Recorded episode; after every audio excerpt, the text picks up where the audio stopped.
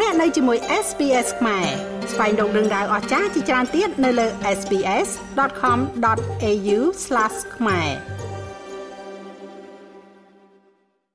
អំឡុងពេលលោកនាយរដ្ឋមន្ត្រីហ៊ុនម៉ាណែតអញ្ជើញទៅចូលរួមកិច្ចប្រជុំកំពូលអាស៊ានជប៉ុននៅទីក្រុងតូក្យូប្រទេសជប៉ុនចាប់ពីថ្ងៃទី15ដល់ថ្ងៃទី19ខែធ្នូ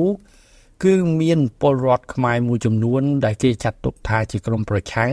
បានប្រមូលផ្ដុំធ្វើបាតកម្មតវ៉ាទៅនឹងវត្តមានរបស់លោកហ៊ុនម៉ាណែតនិងរាជរដ្ឋាភិបាលរបស់លោកក៏ប៉ុន្តែចំនួនអ្នកប្រឆាំងតវ៉ាទាំងនោះត្រូវគេអះអាងថាមានចំនួនតិចជាងចំនួនប្រជាពលរដ្ឋខ្មែរដែលជាក្រុមអ្នកគ្រប់គ្រងរាជរដ្ឋាភិបាលកម្ពុជានិងបានចូលរួមពិធីសម្ដែងសម្ដាលជាមួយនឹងលោកហ៊ុនម៉ាណែតអំឡុងពេលដំណើរទស្សនកិច្ចនៅទីក្រុងតូក្យូប្រទេសជប៉ុនពេលនេះ ក្រោយលោកហ៊ុនម៉ាណែតបានដឹកនាំគណៈប្រតិភូជាន់ខ្ពស់រាជរដ្ឋាភិបាលកម្ពុជាវិលត្រឡប់ពីប្រទេសជប៉ុនមកដល់ភ្នំពេញកាលពីយប់ថ្ងៃទី19ខែធ្នូលោកសូណារ៉ូនិងលោកហ្សង់ហ្វ្រង់សតាន់រដ្ឋមន្ត្រីប្រតិភូអមនាយរដ្ឋមន្ត្រី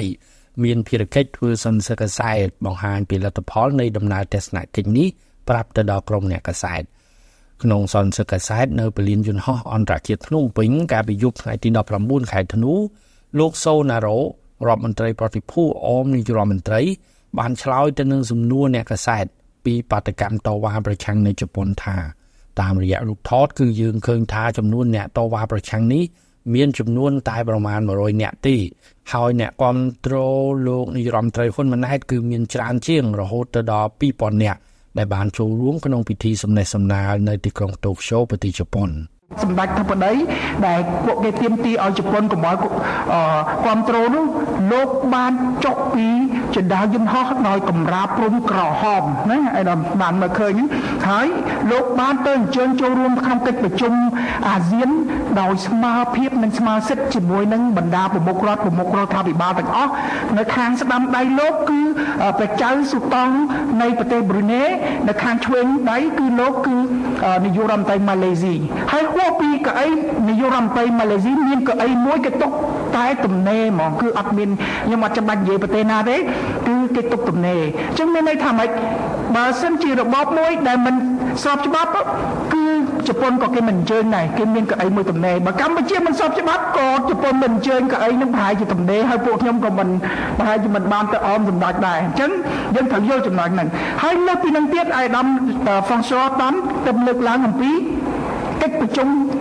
ធ្វើពិធីទល់មុខគ្នាតែម្ដងគណៈរដ្ឋមន្ត្រីខាងជប៉ុនមានរដ្ឋមន្ត្រីមានទីប្រឹក្សាសន្តិសុខមានឯខាងកម្ពុជាមានឧបនាយករដ្ឋមន្ត្រីរដ្ឋមន្ត្រីហើយ តលមុខគ្នាចរចាស្មើភាពគ្នារវាងប្រទេសកម្ពុជាស្មើសិទ្ធិគ្នាទៀតអញ្ចឹងយើងឃើញថានេះគឺជាការទទួលស្គាល់តាមកម្រិតខ្ពស់បំផុតមួយហើយតែនាយករដ្ឋមន្ត្រីគឺតំណាងរាជរដ្ឋបាលជប៉ុនហ្នឹងជាមួយគ្នានេះលោកសូណារ៉ូក៏បានបន្ថែមថាកាលពីថ្ងៃទី18ខែធ្នូឆ្នាំ2023នាយរដ្ឋមន្ត្រីជប៉ុន បានជួបចរចាទ្វេភាគីទូលមុខគ្នាជាមួយនាយរដ្ឋមន្ត្រីកម្ពុជាគឺលោកហ៊ុនម៉ាណែត ហើយជប៉ុនមានអ្វីកម្ពុជាក៏មាននោះគឺស្មារភាពនិងស្មារសិទ្ធិគ្នាទៀត។ដូច្នេះនេះគឺជាការទទួលស្គាល់រាជរដ្ឋាភិបាលកម្ពុជានិងលោកហ៊ុនម៉ាណែតជានាយករដ្ឋមន្ត្រីកម្ពុជាតាមកម្រិតខ្ពស់បំផុតមួយ ដែលនាយករដ្ឋមន្ត្រីតំណាងឲ្យរដ្ឋាភិបាលជប៉ុនលោកសូណារ៉ូក៏បានបញ្ជាក់បន្ថែមថានៅប្រទេសជប៉ុនលោកហ៊ុនម៉ាណែតក៏បានចូលគាល់ព្រះចៅអធិរាជជប៉ុនដែលជាប្រមុខរដ្ឋជប៉ុនថែមទៀត នេះគឺជាការទទួលស្គាល់រាជរដ្ឋាភិបាលកម្ពុជាក៏ដូចជាលោកនាយរដ្ឋមន្ត្រីហ៊ុនម៉ាណែតរបស់ជប៉ុនមិនត្រឹមតែកម្រិតរដ្ឋាភិបាលទេ គឺដល់ប្រមុខរដ្ឋជប៉ុនថែមទៀតផងចំពោះបរាជ័យរបស់ក្រមប្រឆាំងក្នុងការតវ៉ាប្រមូលផ្ដុំដែលមានចំនួនតិចទៅតិចទៅនេះត្រូវបានលោកសូណារ៉ូដែលជាអតីតអ្នកប្រឆាំងមួយរូបនៅសហរដ្ឋអាមេរិកក៏បានលើកឡើងថា ដោយសារតែប្រជាពលរដ្ឋបាត់បង់ជំនឿទៅលើក្រមអ្នកប្រឆាំងរាជរដ្ឋាភិបាល ដែលពួកគេធ្វើនយោបាយផ្សងព្រេងនិងធ្វើនយោបាយជ្រុលនិយមក្នុងនោះមេដឹកនាំជ្រុលនិយមដែលបានដឹកនាំធ្វើបាតកម្មនៅជប៉ុនត្រូវបានលោកសូណារ៉ូលើកឡើងថាពេលនេះមានសារក្រម2ដែលត្រូវបានតុលាការផ្ដន្ទាទោសកាលពីឆ្នាំ2022គឺជាប់ទោសពីបទជាប្រមាថព្រះមហាក្សត្រ ដែលតុលាការសម្រេចផ្ដន្ទាទោស3ឆ្នាំនិងទី2ការញុះញង់ក្នុងចលនា9វិច្ឆិកាឲ្យកងកម្លាំងបែកកណុងនឹងចាប់លោកហ៊ុនសែនករណីនេះសូម្បីតែនៅសហរដ្ឋអាមេរិកក៏ត្រូវបានលោកសូណារ៉ូលើកឡើងថាអាញាធរសមាជិកអាមេរិកក៏ត្រូវតែតាមចាប់ដល់ផ្ទះបើសិនជាមានអំពាវនាវឲ្យផ្ដួលរំលំលោកโจ Biden លោកសូណារ៉ូក៏បានអំពាវនាវទៅដល់បងប្អូនខ្មែរមួយចំនួនកុំឲ្យពាក់ព័ន្ធទៅនឹងជនជ្រុលនិយម ដែលជាមេដឹកនាំក្រុមប្រឆាំងដោយលោកសូណារ៉ូលើកឡើងថាដើម្បីកុំឲ្យមានទោសដោយសារតែក្រុមជ្រុលនិយមនោះពេលនេះគឺជាតណ្ឌិតពាក់ព័ន្ធទៅនឹងសំណុំរឿងនៅតុលាការហើយពេលនេះគាត់មានសំណាងដោយសារតែកម្ពុជាជប៉ុនមិនទាន់មានកិច្ចព្រមព្រៀងបច្ចាបន្នក្នុងការដោះដូរអ្នកទោស